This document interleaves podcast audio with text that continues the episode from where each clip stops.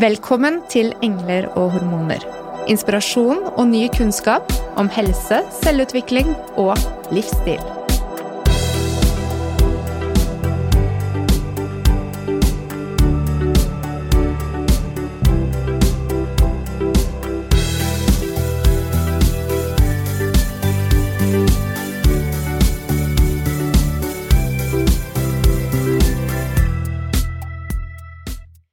Tradisjonelt sett så har det å gå til psykolog vært noe som du kanskje gjør når du er langt nede.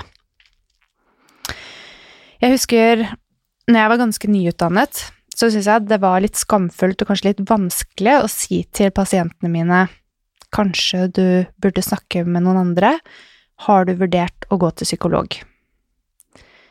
Jeg skjønte, altså hva betyr det egentlig? Er det det at jeg sier til deg at problemene dine sitter i hodet, og jeg anerkjenner ikke smertene dine? Eller slik som mange pasienter kanskje tolker det, jeg er et håpløst tilfelle, og det finnes ikke noe hjelp for meg. Mine plager sitter bare i hodet. Det er psykisk. Og det kan føles som en underkjennelse av en egen virkelighetsoppfatning.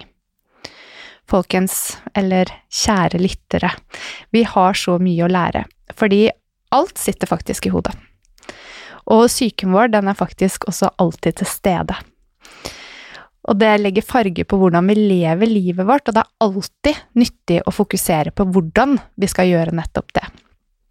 Så i dag så har vi en gjest som er psykolog, Pia von Hirsch, og hun driver egen privat praksis i Oslo, og i tillegg så du har mange engasjement, men i tillegg så skriver du veldig mye. Og Mm. du eh, er jo veldig målrettet på å dele psykologisk kunnskap i media og digitale medier. Og for det arbeidet så fikk du nylig Åsa Grudal Skars pris for popularisering av psykologisk kunnskap. Ja. Jo. Så gratulerer med det, Takk. og velkommen i studio. Tusen takk. Veldig hyggelig å være her, bli invitert. Fint å ha deg her. Ja. Hva er det den eh, prisen har betydd for deg, Pia? Åh, det var eh, veldig stort, fordi det var um, Altså, det er jo ikke så mange psykologer som er til stede sånn i sosiale medier på den måten, og særlig ikke da på Instagram, som i all hovedsak er en liksom bildedelingstjeneste. Eh, Så jeg, når jeg starta med det, så var jeg jo veldig usikker. Liksom, kommer folk til å gidde å lese noe her da, eller Ja. Men det er jo folk Altså, folk er jo her. Folk bruker tiden sin her. Eh, I hvert fall de jeg hadde rundt meg da, på den tida. Eh, og så gikk jeg i gang og tenkte nå kjører jeg bare på med det jeg tror eh, folk syns er nyttig, særlig i forbindelse med å forebygge stress og ensomhet, da, som Mm. jo er sånn forløpere for psykiske lidelser.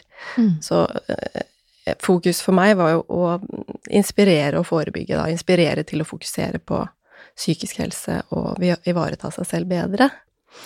Eh, og så hadde jeg jo liksom en sånn kritisk stemme litt sånn til stede, sånn ja, hva syns, hva syns fagfolk om det her? Ja. Stikke Eh, hodet ja. fram sånn på den måten. Ja, litt sånn Er det mm, for lett? Er det for én, to, tre selvhjelp? eh, Er det ikke nok dybde? Litt sånn. Um, så det, å få den, det var et sjokk, og litt sånn Oi, følger de med? Og liker de det? Jøss! Yes! Ja. En sånn anerkjennelse fra fagmiljøet på at det er liksom ok, det er bra at noen gjør det der. Ja.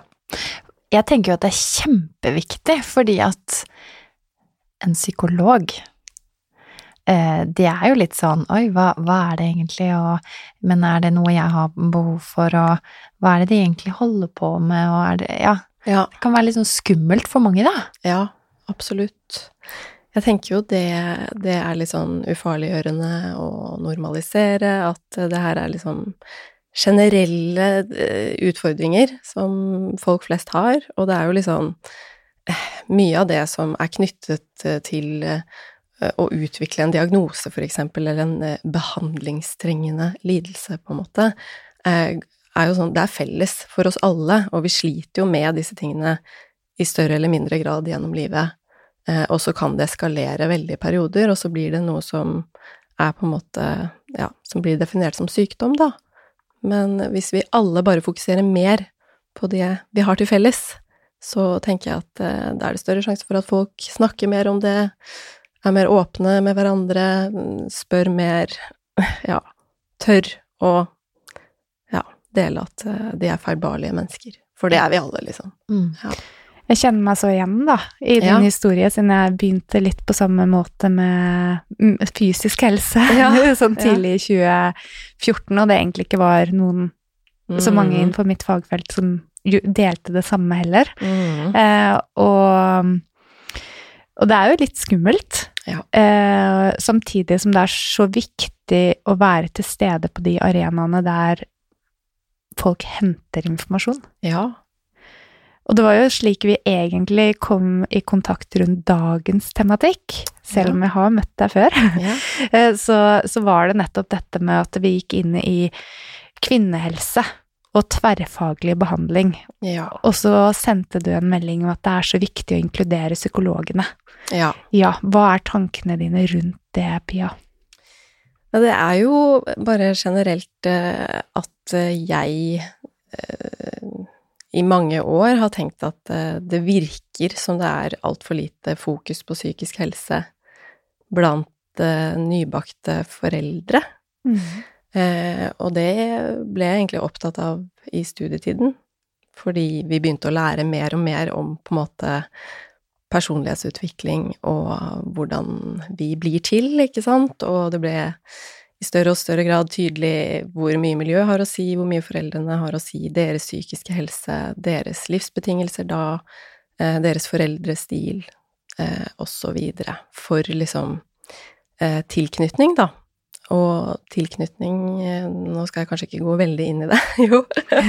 Gå akkurat dit du ja, vil. ja, men altså, det er jo på en måte eh, den kontakten som oppstår mellom barn og omsorgsperson i eh, det første leveåret er jo kjempeviktig, men eh, liksom fram til du er tre år, da, så skjer det veldig mye Det er mye som kommer på plass i forhold til din relasjonelle stil og en sånn grunnleggende trygghet, da, eh, inni kjernen, på en måte. Eh, og den, den utvikles i dette samspillet mellom omsorgsgiver og barn. Og det kaller vi tilknytning. Mm. Det, det emosjonelle båndet, på en måte. Um, og jeg syns jo det var bare så rart at det her, det har jeg liksom aldri hørt noe særlig om før, og folk prater ikke om det. Nå prater vi mer om det.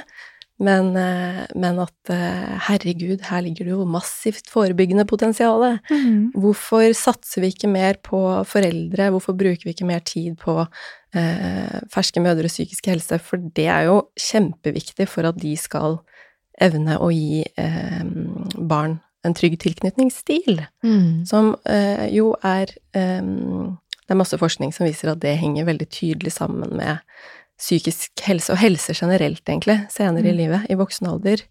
Og at det er sånn ganske stabilt. Det er sånn, den kan endres senere, nye erfaringer har noe å si, eh, nye forhold har noe å si. Fordi i voksen alder så er det jo sånn at eh, romantiske forhold, særlig partnere, men det kan være andre og de vi på en måte føler oss aller nærest, de mm, aktiverer dette tilknytningssystemet. Så, så de aktiverer liksom den stilen, den viser seg med de næreste, og den kan endres med de næreste. Eh, og det er, jo, det er jo en grunn til at det også ofte er veldig mye av fokus i terapi, er på relasjon, ikke sant, på allianse, på det emosjonelle båndet, fordi det må være sterkt, det må være tillit og trygghet i relasjonen for at det skal liksom eh, gi mennesker mulighet til å vokse, da. Men eh, psykisk helse for eh, nybakte foreldre, nybakte mødre, bør vel kanskje starte før barnet er født? Ja, ja, Mm. i svangerskapet, ikke sant? Mhm. Og jeg, mm, jeg snakker meg jo helt bort, for jeg bare Ja, dere må bare stoppe meg, for jeg babler i vei. Men, eh, men det ble jo Jeg var jo veldig spent når jeg skulle få barn selv. Mm. Det var jo da første gang for fire år siden, så var jeg veldig sånn Hm, det blir spennende å se hvordan jeg blir møtt. Kommer legen min til å spørre meg noe om min psykiske helse? Kommer jordmor til å gjøre det? Eh, kommer de til å følge opp etter at jeg har født? Kommer noen til å snakke med meg om hvordan jeg har det emosjonelt? Kommer noen til å liksom Ja, så jeg var jo kanskje litt sånn eh, observerende underveis, da. Og jeg ble jo veldig eh, skuffa mm. må jeg si. Og så, og så har jeg jo i etterkant av det eh, fått, kontakt, fått kontakt med selvfølgelig veldig mye kvinner i samme situasjon, Ja. eh, og hørt med dem, og etter hvert blitt da mer og mer engasjert i det på litt sånn overordna nivå. For det er vel veldig sprikende, vil jeg tro, hvor stort fokus jordmødrene og helsesøstrene, helsesykepleierne, har Ja, eh, på dette. Jeg var kjempeheldig og ble fulgt opp av en jordmor som hadde veldig fokus på det, Ja. så jeg følte meg veldig trygg eh, og ivaretatt ja, av jordmor. Men det handler jo om hvilket strå du trekker, og om hvor heldig du er, og det er ikke Det er sånn det skal være. Nei, det er ikke systematisert. Det er liksom ikke noe Det virker ikke som det er eh, helt på plass, det, det strukturen for å liksom sikre at eh, vi blir ivaretatt når det kommer til mer eh, det emosjonelle og relasjonelle, da, de behovene vi har som kvinner når vi skal bli liksom gjenfødt som mamma. Ja. Vi skal jo eh, inn i en helt ny fase, og det er litt sånn Mange går jo det i møte med liksom masse research og bøker og er eh, ekstremt eh, interessert og utdanner seg selv, og så det, eh, opplever jeg at det er veldig mange som tenker at de skal kunne fortsette litt som før, Mm. Og så kan man jo bli litt overrasket over hva disse fysiologiske endringene faktisk gjør med en. Eh, altså, oh, ja. For det er jo ikke alt som kan leses i bøker. Det er et hormonspeil, og det er et samspill med partner og en helt ny person som skal inn i familien, og mange X-faktorer da, som Ja. ikke man klarer å ta høyde for Ja. i bøker. Altså individet. Ja, det er litt sånn Jeg pleier å Eller jeg tenker litt sånn at Mitt inntrykk er i hvert fall at det som har vært vanskelig i livet fra før, Mm. hvis det er der, det vil jo bli vanskeligere. Mm. Eh, og veldig mange opplever jo også å eh, bli på en måte i mye større grad konfrontert med sin egen barndom. Mm. At eh, hvordan man hadde det selv som liten, blir tydeligere når man har omsorg for et lite barn. Eh, ting som kanskje ikke har, man har vært bevisst på, gjør plutselig forferdelig vondt. Det er liksom Det er mye som kan komme opp Mm. i den prosessen. Og så, og så tenker jeg litt sånn generelt da på eh, følelsesbevissthet, da. Emosjonell kompetanse. Og så er det skummelt å vise det fram, da, for en helsesykepleier eller for en jordmor. Ja. Ja. Mm. Og, og, og det er jo det jeg tenker sånn um, Jeg har jo inntrykk av at det er masse helsesøstre og jordmødre og leger som er kjempeoppmerksomme på det og jobber liksom aktivt med det. Mm. Men igjen, det er ikke systematisert. Sånn at eh, det er mange som Altså, du må få de riktige spørsmålene, da. Det må jo være noen som om man, om man skulle på en måte innført en slags screening eller et kartleggingsverktøy på seksukerskontrollen for å sjekke hvordan står det egentlig til med mor, Mm. når vi sitter her på legekontoret og eh, haster igjennom de fysiske undersøkelsene, og det i seg selv Du jobber jo, Mona, med å, gjøre det bedre også når det kommer til bekkensjekken og alt det der. Ja, så tenker jeg at mange tenker kanskje på depresjon, da. Og så har man hørt om Mhm. Jeg har hørt om svangerskapsdepresjon, jeg har hørt om barseldepresjon. Ja. Og så er det det Ja. Men det er jo så mye mer. ja. Og så mange føler jo litt at de er opp til vurdering Ja. når de møter en helseprofesjonell første gang med barnet. Så er Mhm. man jo veldig Er jeg god bra nok? nok? Ja, ikke sant? Gjør jeg noe galt? Skal de Skal de ta fra meg barnet mitt? Ja. Mm. Det er ikke så uvanlig å tenke det, at man, man blir testet egentlig, sånn at det føles litt skummelt, da. Jeg husker jeg syntes det var skikkelig Jeg fikk, jeg, jeg, ble, jeg fikk helt noia, jeg, når jeg skulle komme hjem og liksom med sånne brosjyrer og liksom Og så er det jo i de brosjyrene veldig ofte fokus på det som du absolutt ikke skal Ja. gjøre, da. Så det er sånn eh, vold og rus og ikke sant, Mm. dårlig sikkerhet og Ja. Eh, og så blir man liksom jeg vet jo dypest sett at eh, det her, eh, det ordner vi, liksom. Men eh, det er noe med sånn når du sitter på trikken og du har billett, og så kommer Mm. kontrolløren, Ja. og så bare blir du stressa likevel. Mm. Ja. Ja. Skal hun sjekke sånn... alle skuffene mine, liksom? Ja. ja. ja jeg Mm. kjenner meg veldig igjen i det du sier. Og så da vil man jo i større grad kanskje bare Det går fint med meg. jeg, jeg er i hvert fall ikke deprimert. Og så er det egentlig kanskje ganske mye ting det hadde vært godt å få snakket om likevel. Mm. Jeg har eh, akkurat eh, sett litt gjennom den nye boken til Pia Seberg, som har inkludert et eh, kapittel om mentaltrening for mødre. Og det er en av de første gangene jeg har sett at noen har trukket frem det at man kan være bevisst på egen syke uten at man skal snakke om depresjon eller angst eller ja, Ja. i litteraturen. eh, Ja. Og det syns jeg var så flott. Ja. Fordi eh, vi kan jo reflektere rundt vår egen rolle og, lære av de verktøyene som du bruker uten at vi har en diagnose. Ja. Mhm. Nettopp. Altså Det er det jeg Det er på en måte utgangspunktet for alt eh, jeg brenner for. Mm. Er jo liksom at eh, alle fortjener å ha den kunnskapen. Mm. Alle burde få mer av det tidligere. Det handler ikke bare om sykdom, men også om frisk liv, ikke Det sant? handler om det. Og det er jo det med kanskje psykologer òg, sånn som du sa i stad, at liksom det er litt sånn Ja, det er når du er gæren, og det henger jo fremdeles litt igjen. Mm, Altså, jeg møter regelmessig folk som eh, har tenkt det, og herregud, før jeg kom til deg, nå tenkte jeg bare siste utvei, og Mm. Nå er det liksom Det måtte bli totalt krise før jeg kunne gjøre det, og Eller jeg kan ikke snakke med foreldrene mine om det her, de syns det er helt sprøtt. Mm. Ikke sant, da er du et svakt menneske.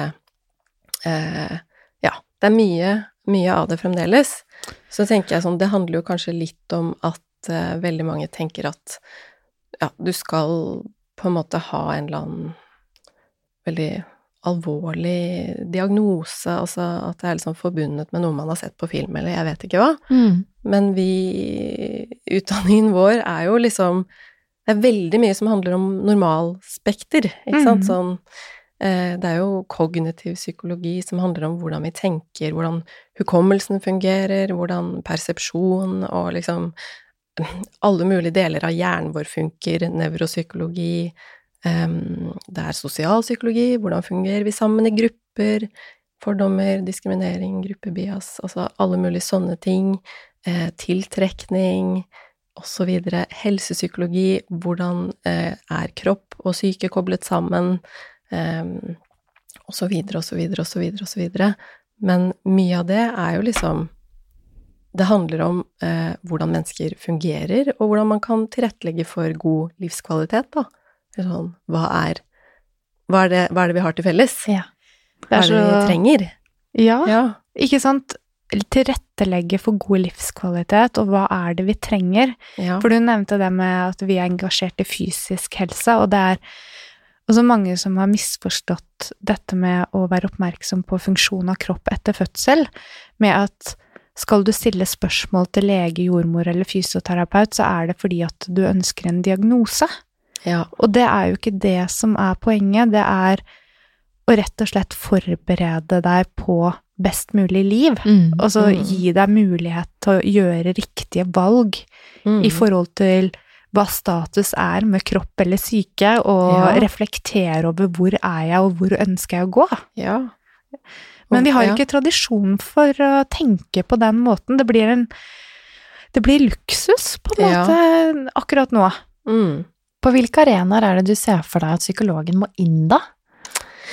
Åh, det er vanskelig spørsmål, da. For at eh, jeg føler jo at jeg har kanskje ikke nok kunnskap om hvordan hele systemet er sammensatt og fungerer akkurat nå, men um, jeg tenker jo sånn Det er mye man kunne gjort eh, Vi vet jo nå at det er sånn at du må vente liksom Jeg hadde nettopp en samtale med en som fikk vite at hun måtte vente i 30 uker hvis hun skulle ha en offentlig utredning, ikke sant. Mm. Altså, det er vanskelig å få snakke med en eh, psykolog. Ja. Eh, så da tenker jeg jo litt at med denne gruppen Kvinner er jo i en veldig sårbar situasjon. Eh, og det kunne jo da være fint når man faktisk vet at det er så kostnadsbesparende for samfunnet som helhet, hvis vi bruker liksom penger og ressurser på tidlig intervensjon, og for eksempel ha flere psykologer tilgjengelig tilknyttet helsestasjon, da, eller på en fødeavdeling, eller altså Ja. Men det handler jo igjen om ressurser, da. Eh, Det er det det handler om. og da er vi tilbake Altså, da er vi oppe i politikken og liksom at Mm. Ja, ikke Du sant. må ha penger for å få hjelp raskt. Ja, Mm. og det syns jeg er urettferdig. Og så tenker jeg jo at eh, em, man kunne jo også brukt ressurser offentlig på å lage bedre em, online plattform, for eksempel, for alle mulige helsepersonell som jobber med denne gruppa. et stort bibliotek eh, med ressurser, med videoer. Jeg husker at jeg satt på helsestasjonen når det var eh, barseltreff, første møte, og da fikk vi faktisk se en film, da, om eh, tilknytning, om eh, altså Circle of Security, ikke sant? Jeg vet ikke, ja. Ja, det var, og mobilbruk var det Ja. da jeg var der. Ja, ja. Mm. Men jeg må jo si at eh, den var jo litt eh, kanskje utdatert og uengasjerende. Så eh, noe som kanskje Altså at man kunne kanskje spytta inn litt eh, midler der Mm. for å lage eh, Øke liksom tilgjengeligheten av den type kunnskap for alle, da. Mm. Og Så øke engasjementet, liksom. Ja, og så har man jo prosjekter eh, sånn som Mamma Mia da, gjennom Sanitetskvinnene, som er kjempefint, Ja. men som altfor få har hørt om. ja. Selv om det er gratis og ligger der for alle. Ja. Og så har liksom eh, 1001 dager eh, kommet, den nettsiden. Mm. Superbra, fantastisk. Eh, Det er bare litt sånn Hvorfor eh, spytter vi ikke inn litt sånn mer som samfunn? Mm. Altså, det er liksom ildsjeler som må jobbe det frem. Mm. Det, ja. blir jeg litt frustrert av. Kanskje det må ta litt tid, da. Altså at uh, man må begynne å snakke om de som har erfaring med disse tilbudene, at de rekker å snakke sammen og gi råd videre til sine medsøstre før ballen begynner å rulle. Ja. Um, at man i hvert fall løfter frem mulighetene, er kjempeviktig. Ja. Og så Nå sitter jeg og blir liksom veldig kritisk til systemet og sånn. Og det Da, da er vi over på liksom kvinnehelsepolitikk og nedprioritering av eh, forskning på behandling som kvinner trenger, og alt det der. Og det er en egen greie. Og så tenker jeg at eh, samtidig i dag kanskje det er fint å fokusere på eh, hva man kan liksom Jeg vil jo gjerne motivere folk, da, til å, til å, å finne litt ut av det her. Mm. Enn så lenge så må man jo forsøke å finne ut av det selv. Kan du dele med oss noen av de vanligste følelsesmessige utfordringene som vi møter, mm. og som Mm. kan påvirke livet og helsen vår? Ja, jeg, jeg kan jo prøve. Ja. um, um, generelt sett så er det jo det her med Ikke sant eh, Følelsene dine. Ehm, hvor, eh, hvor bevisst er du egentlig i dem? Hvor god er du fra før på å kjenne etter og merke det i kroppen din? Eh, hvor god er du til å sortere i dem og kunne skille mellom dem? Mm. akseptere at de er der, liksom, uten å begynne å straffe deg selv og bli selvkritisk for at du reagerer eller føler som du gjør. Um, klarer du å regulere deg? Får du på en måte håndtert dem? Mm. Og, eller lar du det bare gå? Trykker du det unna? Unnviker du? Um, og får du kommunisert det til andre? Mm. Alle disse tingene er liksom Det er emosjonell kompetanse. Hvis du har uh, høy emosjonell kompetanse, så har du det generelt sett uh, bedre i livet. Da får du jo blant annet kommunisert uh, hva du trenger Mm. til andre mennesker. Og du får vært liksom sann mot deg selv, og det er lettere å være nær andre mennesker. Eh, og så har vi jo mer eller mindre av det. Og vi kommer jo alle fra ulike familier, og ja Det er ikke, det er ikke uvanlig at det Altså Det har jo vært eh, ganske lite bevissthet rundt disse tingene her. At det er viktig, og, og den kulturen som har utviklet seg de seneste åra, ikke bare de seneste, men ja, i moderne tid, da, Mm. har jo vært veldig sånn produksjon, effektivitet, prestasjon. Mm. Eh, vær sterk, hold ut. I Norge, yte før du skal nyte. Vi eh, jobbe Hva er det? Jobbe for å leve, eller leve for å jobbe, på en måte. Ja. Altså, det er jo litt sånn et litt følelsesfiendtlig klima. Ja, det er intellektet på en måte som råder, Ja. Og utvikling. Ja. Men hva er følelsene våre, da? Hvilke Hvor mange Ja. følelser har vi egentlig? Ja. ja vi kan jo, kan jo kanskje ikke Start du, da. Hva kommer du på? Stressa. ja. eh, eh, sorg. Ja. Eh, Tristhet. tristhet. Ja. Eh, glede. Ja. Mm, ja, eh, gå nedstemt inn under eh, Nei. Det er vel kanskje litt mer sånn vagt og generelt, Ja. men hva med, hva med mm, melankolsk? eh, eh, Hva med sint? Ja? Frustrert? Irritert? Skam? Altså skyld? Sjalusi? Misunnelse? Ja. eh, ømhet, mm, ro. Altså, folk er litt uenige om hva vi skal definere som følelser, da. Mm. Men også interesse, ikke sant. Iver, stolthet, eh, eufori, kjærlighet, ømhet. Ja, det sa jeg kanskje. Men mange er enige om at eh, de viktigste grunnfølelsene, som liksom går igjen i alle kulturer, Mm. som er universelle, vi uttrykker dem på samme måte på tvers av kultur, i ansiktet vårt, vi kan se dem i kroppen, ikke sant, når man eh, måler med fancy teknologiske apparater, at de aktiverer oss på bestemte måter og sånn. Det er så Og- kult. Ja. Ja. Og det er eh, sinne Mm. og, og um, tristhet og frykt og skam og skyld og glede. Mm.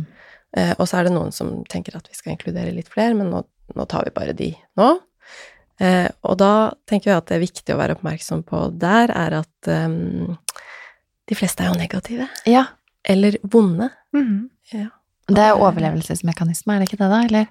Jo, jeg tenker jo, jeg tenker jo litt sånn at eh, vi må kanskje slutte å kalle det negativt, og begynne å kalle det vondt, for det gjør vondt. Men det er jo hjelpsomt, fordi um, vi får jo Altså, det kan låse seg, og, og det kan være sånn at vi går rundt og har altfor mye av en følelse og sånn, men nå skal vi ikke komplisere det for mye akkurat nå. Mhm. Men helt sånn enkelt så er det jo sånn at de vonde følelsene der, de varsler deg jo om at uh, noen av de viktige behovene dine er truet. Mm. At Ja, altså- eh, du må gjøre noe, liksom, for å håndtere. Ja. Og det er normalt å ha kompliserte og vonde følelser. Det Ja. har alle. Selv om Ja. ikke det ser ut sånn på Instagram. Ja, mm. ikke sant? Ja. Og så er det, det er liksom Hvis du har en, en ganske sånn god kontakt med følelseslivet ditt, mm. og, og litt sånn greit forhold til dem, så er det jo vanlig at de kommer og går. Ikke sant? Mm. Det er sånn flyktige opplevelser som er ganske fysiske, som ikke sitter i så lenge hvis du erkjenner at de er der og får håndtert dem. Mm. Og, og det er vanlig å ha masse negative følelser i løpet av en uke. Eller vonde, da. Mhm. Og i løpet av en dag også.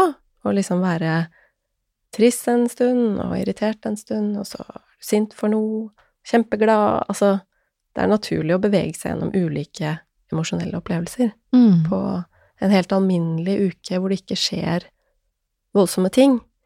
Eh, og hvis man har aksept for det, Mhm. så er det jo lettere å leve for det er lettere å ikke liksom bli urolig og stressa hver gang man har ubehagelige indre opplevelser. Og blir så sinna for at det er rotete hjemme. Ja, for eksempel. Det hørtes ut som det var en egen erfaring. så sier min samboer da bare eh, Ingvild, hva, hva er det du egentlig driver og grubler på nå?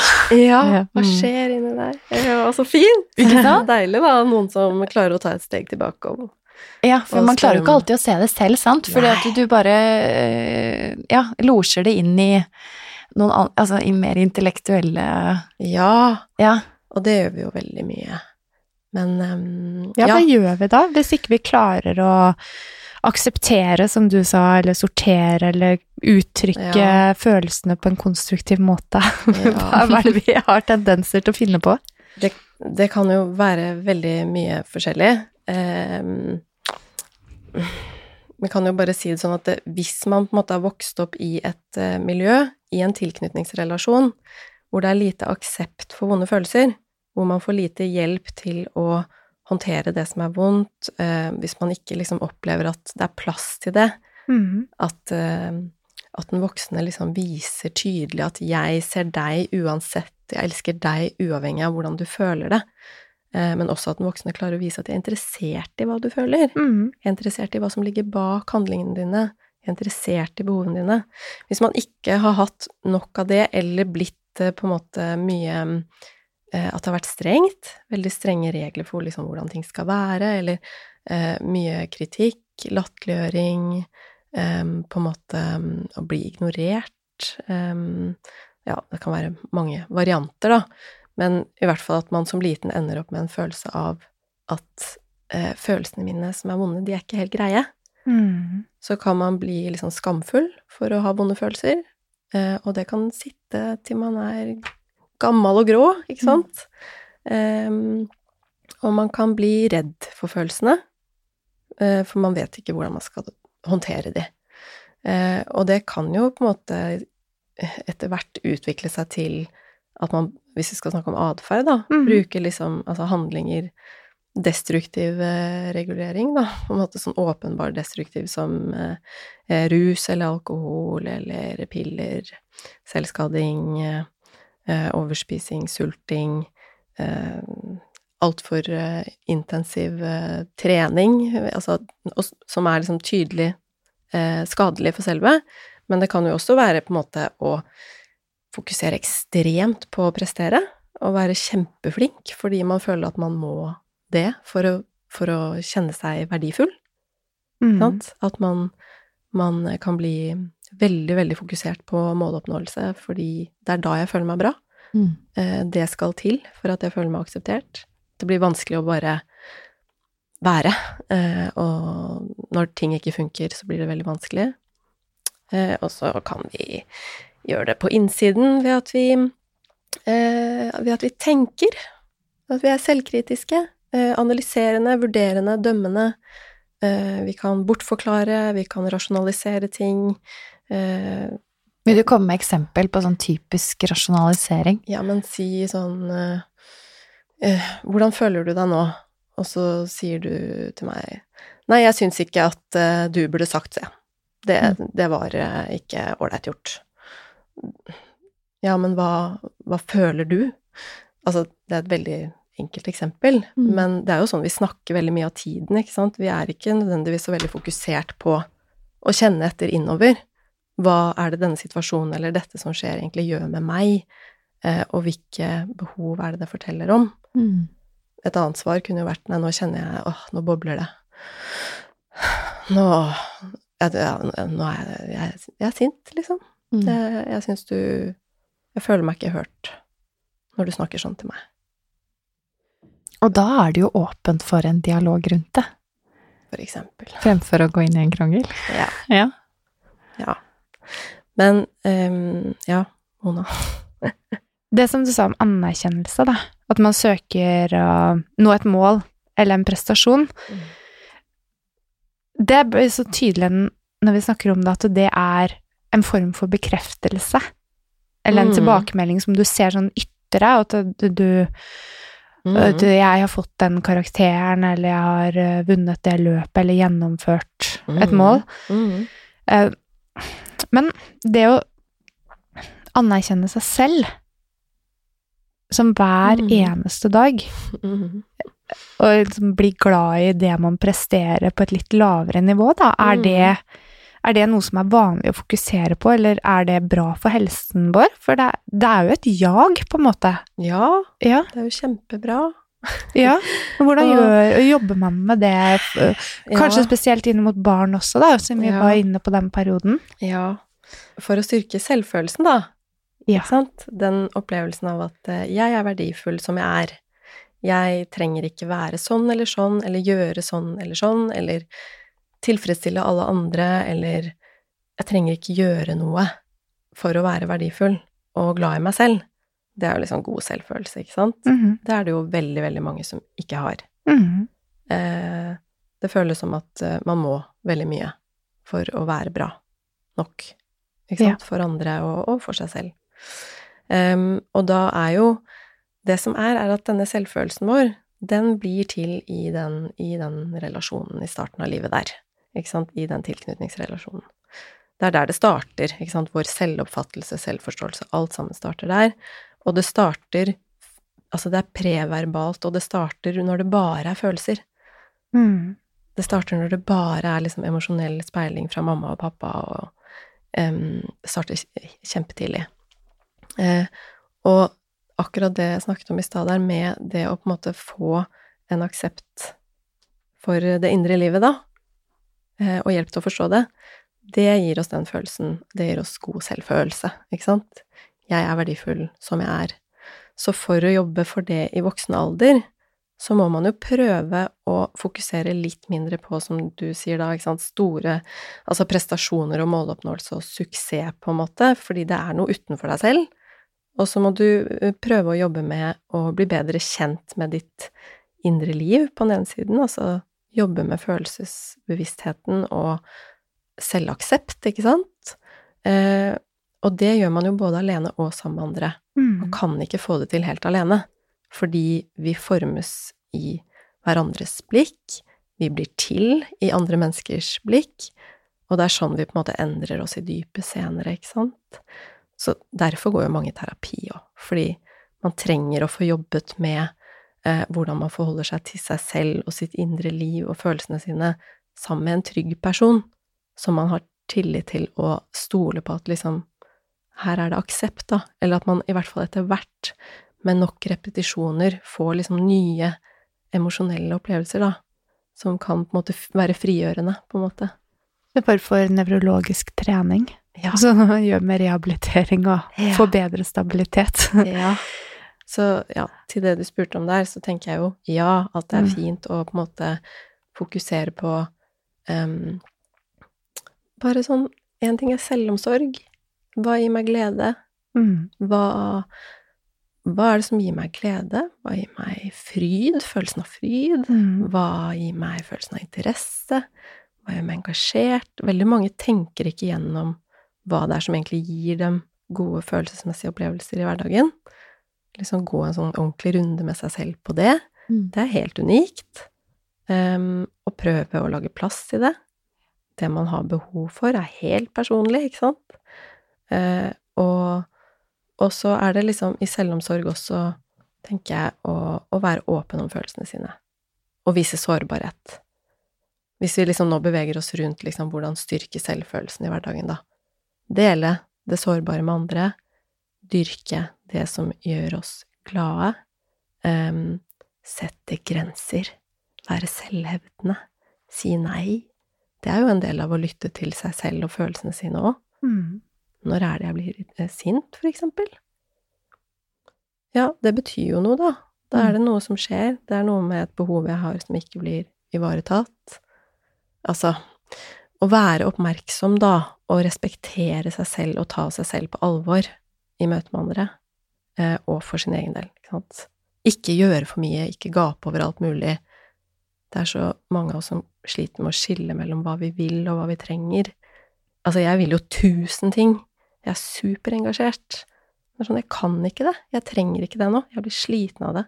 Jeg blir stressa av det. Mm. Det jeg trenger, hva er det? Ok, hva er det som gjør meg glad nå i min livssituasjon, med disse livsbetingelsene? Hva kan jeg gjøre for å passe på meg selv? Hvis man ikke skal jobbe gjennom disse tingene sammen med en psykolog, da, for det er sikkert Mhm. ikke alle som har behov for det, men har du noen eh, tips da til hvordan man skal prate med en nær venninne eller en som du stoler på? Jeg vet ikke, kanskje dere kan høre på denne episoden her og så starte Skal vi reflektere sammen? Ja, Nei, men altså Du har jo ja. sånn som fuelbox og de Ja. tingene der, da. Ja. Nei, men altså mm, For veldig mange så handler det jo om å tørre å være den første som eh, er åpen Mm. om egen sårbarhet. Mm. Og det er jo litt sånn at eh, vi mennesker er jo mm, satt sammen for eh, mm, å leve i flokk, Mm. og det er masse Altså, regelen om sosial gjensidighet, den er ganske sånn sterk. Og det handler jo om at vi er veldig opptatt av det, å opprettholde, altså opprettholde balanse eller gjensidighet. Derav liksom skyldfølelse, hvis vi bryter med det Mm. og sviker noen, eller ikke sant, du vet. Så hvis man åpner seg, så er det jo større sjanse for at den andre åpner seg. Når jeg viser sårbarhet overfor eh, de rundt meg, så føler jo de at de er viktige for meg, Mm. at jeg har tillit til dem. De kjenner jo på at jeg er glad i dem da, Mm. ikke sant? Og det blir tryggere for dem når jeg tør å være sårbar, og stole på dem, stole på meg. Eh, Så er man jo i gang. Det er ikke alle som møter det, da. Det er jo også Nei. viktig hvilke mennesker du har rundt deg. Ja. Mhm. Og da er vi over på det med selvhevdelse og grensesetting og sånn, eh, ikke sant? Og at eh, Ja, det er ikke alle relasjoner som er gode. Det er mange som er veldig dårlige. Det er mange som er veldig destruktive.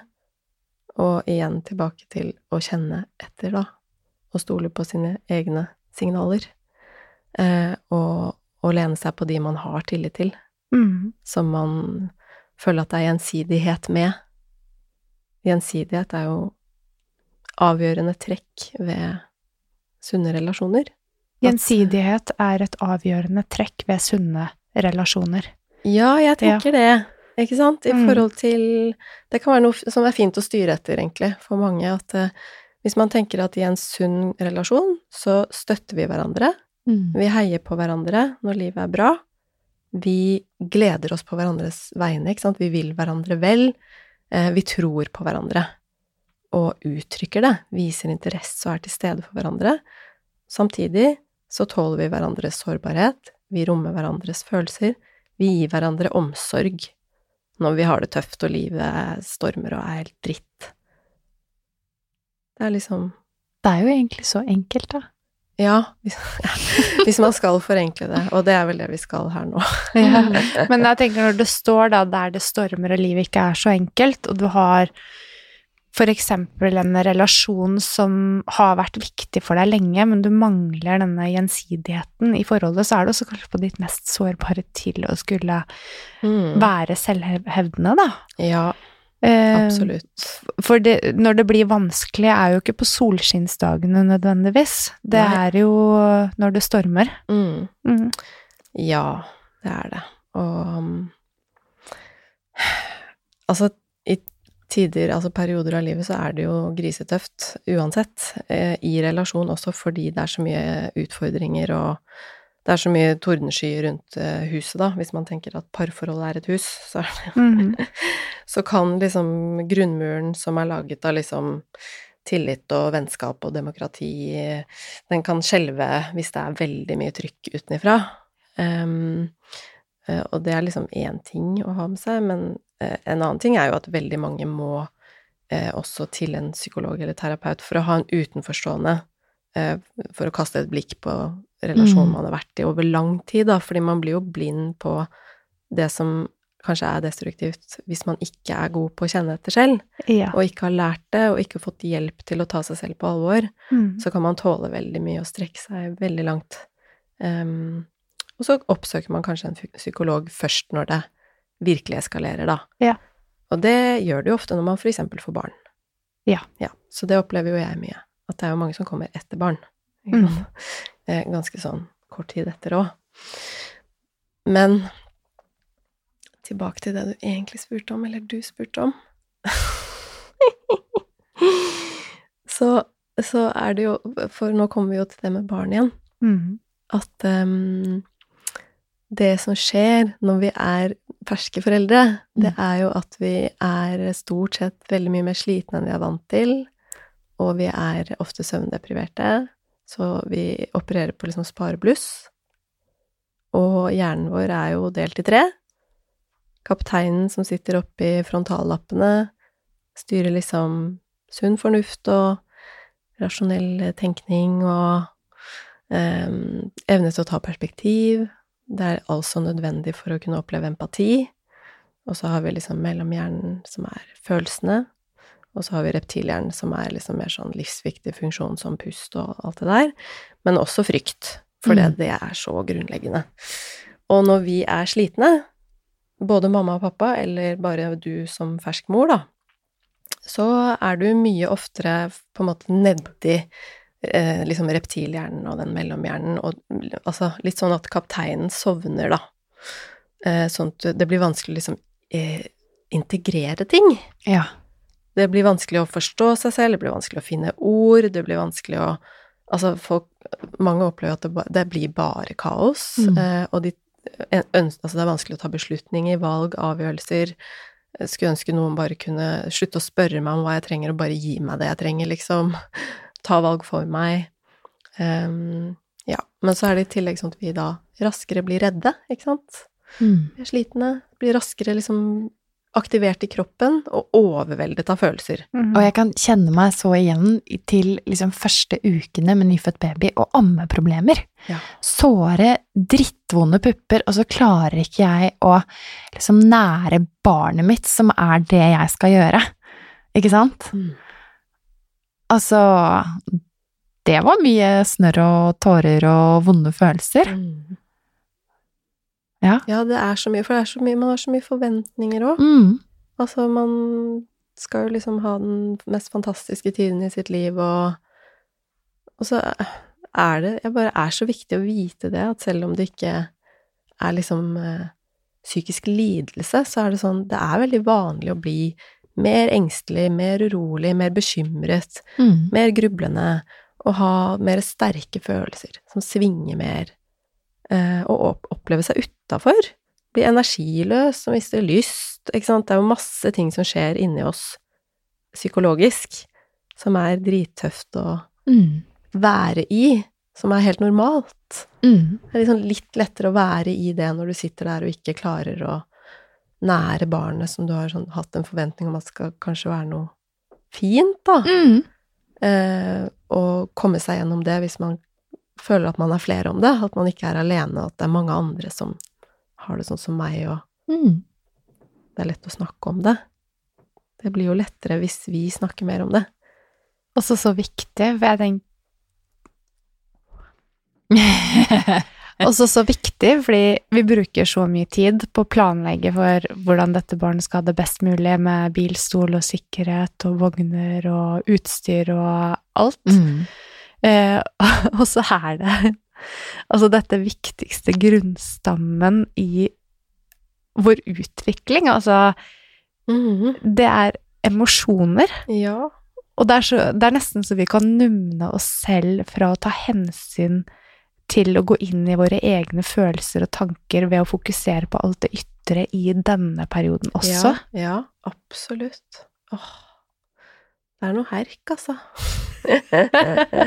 Nei, men sånn akkurat det du sier om liksom Det er så ekstre... Altså, det er jo generelt mye materialisme i vårt samfunn, da. Mhm. Men at det liksom er sånn Det bare kjører vi opp i den tiden der. Blir helt uh, det er jo liksom Jeg tenker det kan være litt sånn distraksjon òg, da. Fra uro og, Ja. og engstelse og bekymring og Hvis jeg kjøper den vogna og det og det og for det der og de møblene på den og den måten og Mhm. Og orden i liksom alle skuffene, da går det bra. og så er det noe nytt, ikke sant? Men at vi Så liksom- rakner alt. ja. At vi liksom Ja, vi hopper fra det ene til det andre og, og er liksom lite oppmerksom på Mm. den indre verden og altså de, Jeg vet ikke om jeg skal si spiritualiteten, liksom åndelige delen også av det å bli mamma og liksom At du skal forvandles, liksom. Og du skal liksom gjenfødes, og det er vondt for deg emosjonelt. Eh, det er krevende, fordi det er endring. Mm. Altså, endring gjør oss eh, skremt, generelt sett. Og det er en sånn total endring der du har ansvar. Det er helt spesielt. Det er jo skremmende. Mm. Ja, det er det. Og så er det bare reptilhjernen som funker de første ukene, da, så da er det jo Da, da kan du jo ikke tenke på de der skuffene og sånn, så Nei, nei, det er bare kaos, og veldig mange opplever jo masse konflikt, og mm. at det bare Ja, man har jo man, Altså, partner er jo ikke preppa på, på det heller, kanskje, ikke sant? Så kanskje vant til å ha en dame som uh, mestrer eh, alt og tar ansvar for alt og har kontroll på det meste og er liksom i, i orden. Mm. Hva har skjedd med livet mitt nå? Ja, hun er jo helt ustabil! Yeah. Mm. Ja, men bare at ting er mye vondt og sånn, da. Så, jeg- så jeg- altså, igjen tilbake til eh, å ruste nye familier, da. Mhm. Altså, de fleste går jo fra hverandre når barna er små. Mm. Det er jo ikke så rart. Eh, og man, altså, om man da som par heller ikke lærer noe om hva man kan forvente, og hva skjer når vi begge går rundt og er liksom bare nedi liksom reptil- og følelseshjernen og ikke klarer å tenke klart eller ta den andres perspektiv og føle empati. Mm. Hvis det bare fortsetter, liksom. Det Så hvis eh, de som sitter hjemme nå tenker at hm, kans, kanskje vi skal ta en liten runde på dette før vi får barn, eller uh, kanskje vi skal gjøre det nå etter vi har fått barn, fordi jeg kjenner meg igjen. Ja. Så det hadde vært utrolig fint om vi kunne bruke denne uken i sosiale medier til å gi noen refleksjonsspørsmål til Ja. uh, nybakte foreldre, eller Mm. de som skal inn i den rollen, for å bare gi en lite, en lite dytt i riktig retning ja. for å jobbe. Med det her. Ja, for det er Mm. helt vanlig, og vi Mm. trenger å snakke om det. Mm. Mm. Det gjør vi. Og bare sånn for å nevne det, da, så er det jo én ting som er veldig fantastisk her i landet vårt, er jo familieverntjenesten. At mm. eh, hvis du har Altså hvis du er gravid eller har små barn Mm. og trenger samtaler som par eller liksom Ja, så får du det ganske raskt. Så det det er veldig bra. Mm. og det kan jo være kjempefint å bare Mm. ta seg en tur for liksom Nei, vi, vi har bare lyst til å forebygge eh, konflikter, liksom lære litt mer om hva som kan skje når vi ja, blir slitne, eller Mm. sier man har hatt litt sånn Man kjenner, ja, kjenner seg igjen i litt av de tingene vi snakker om i dag, at kanskje følelser er vanskelige, eller det er vanskelig å regulere seg selv, eller Husker at, for eh, mine, mine foreldre, de snakket om uh, da de skulle bli, bli foreldre for, uh, for første gang for 35 år siden, liksom. Mhm. Så fikk jo de den type samtale på helsestasjonen sammen som par. Ja. Så fantastisk. Mm. Det er mange ting som detter ut, gitt, Ja. som vi kanskje burde få tilbake. Ja. Mm. Viktig å belyse. Ja. Vi trenger hjelp til å kjenne på de vonde følelsene og sortere dem og sette ord på dem og Det er liksom, og basic bare sånn kommunikasjonsskills, ikke sant? Ja. Vi trenger hjelp til å bli dyr igjen. Ja. ja. Og det er jo på en måte det vi blir litt i den fasen. Eller mange opplever. Mm. Eller i hvert fall jeg følte jo veldig på det, sånn overraskelsen i Altså bare hvor, hvor voldsomme de kroppslige endringene er å Mm. håndtere, og hvor mye det hormonelle preger følelseslivet, og bare bli en person du ikke kjenner igjen, Mm. ikke sant? Og eh, ja, og så liksom skal du kave rundt i et eller annet sånn helt nytt landskap og håndtere eh, et parforhold, kommunikasjon i det, og passe på et lite barn som trenger at du klarer å regulere deg selv, og det, Mm. ja. kjempelenge. Mm. Barn klarer jo ikke å regulere følelsene sine selv før de er ganske store. mm. De trenger jo oss til det lenge. Ja, ikke sant? Men for de av lytterne våre som eh, kjenner at å, vet du hva, nå har jeg veldig lyst til å ta en prat med Pia. Hvor Ja. finner de deg? Å ja. På ja, eh, Psykologpia på Ja. Instagram. Mm. Eh, og der er du jo link til nettsiden, som er piafonhish.no. Ja. Award-winning site. ja. Instagram, ja. ja. Mm. Det er gøy, det er stas. Tusen hjertelig takk for at du kom i studio, Pia. Mm. Gå og følg Pia, og gå og følg Engler og hormoner, og bli med oss på en liten selvutviklingsreise. Og denne følg uken. følelsene dine, ikke minst. Ja, følg følelsene. Ja. ja det er, Embrace them. Det er viktig. Mm. Takk for at dere ville ha meg her. Jeg er, som dere skjønner, veldig engasjert i dette. ja, takk. Ha det. Ha det.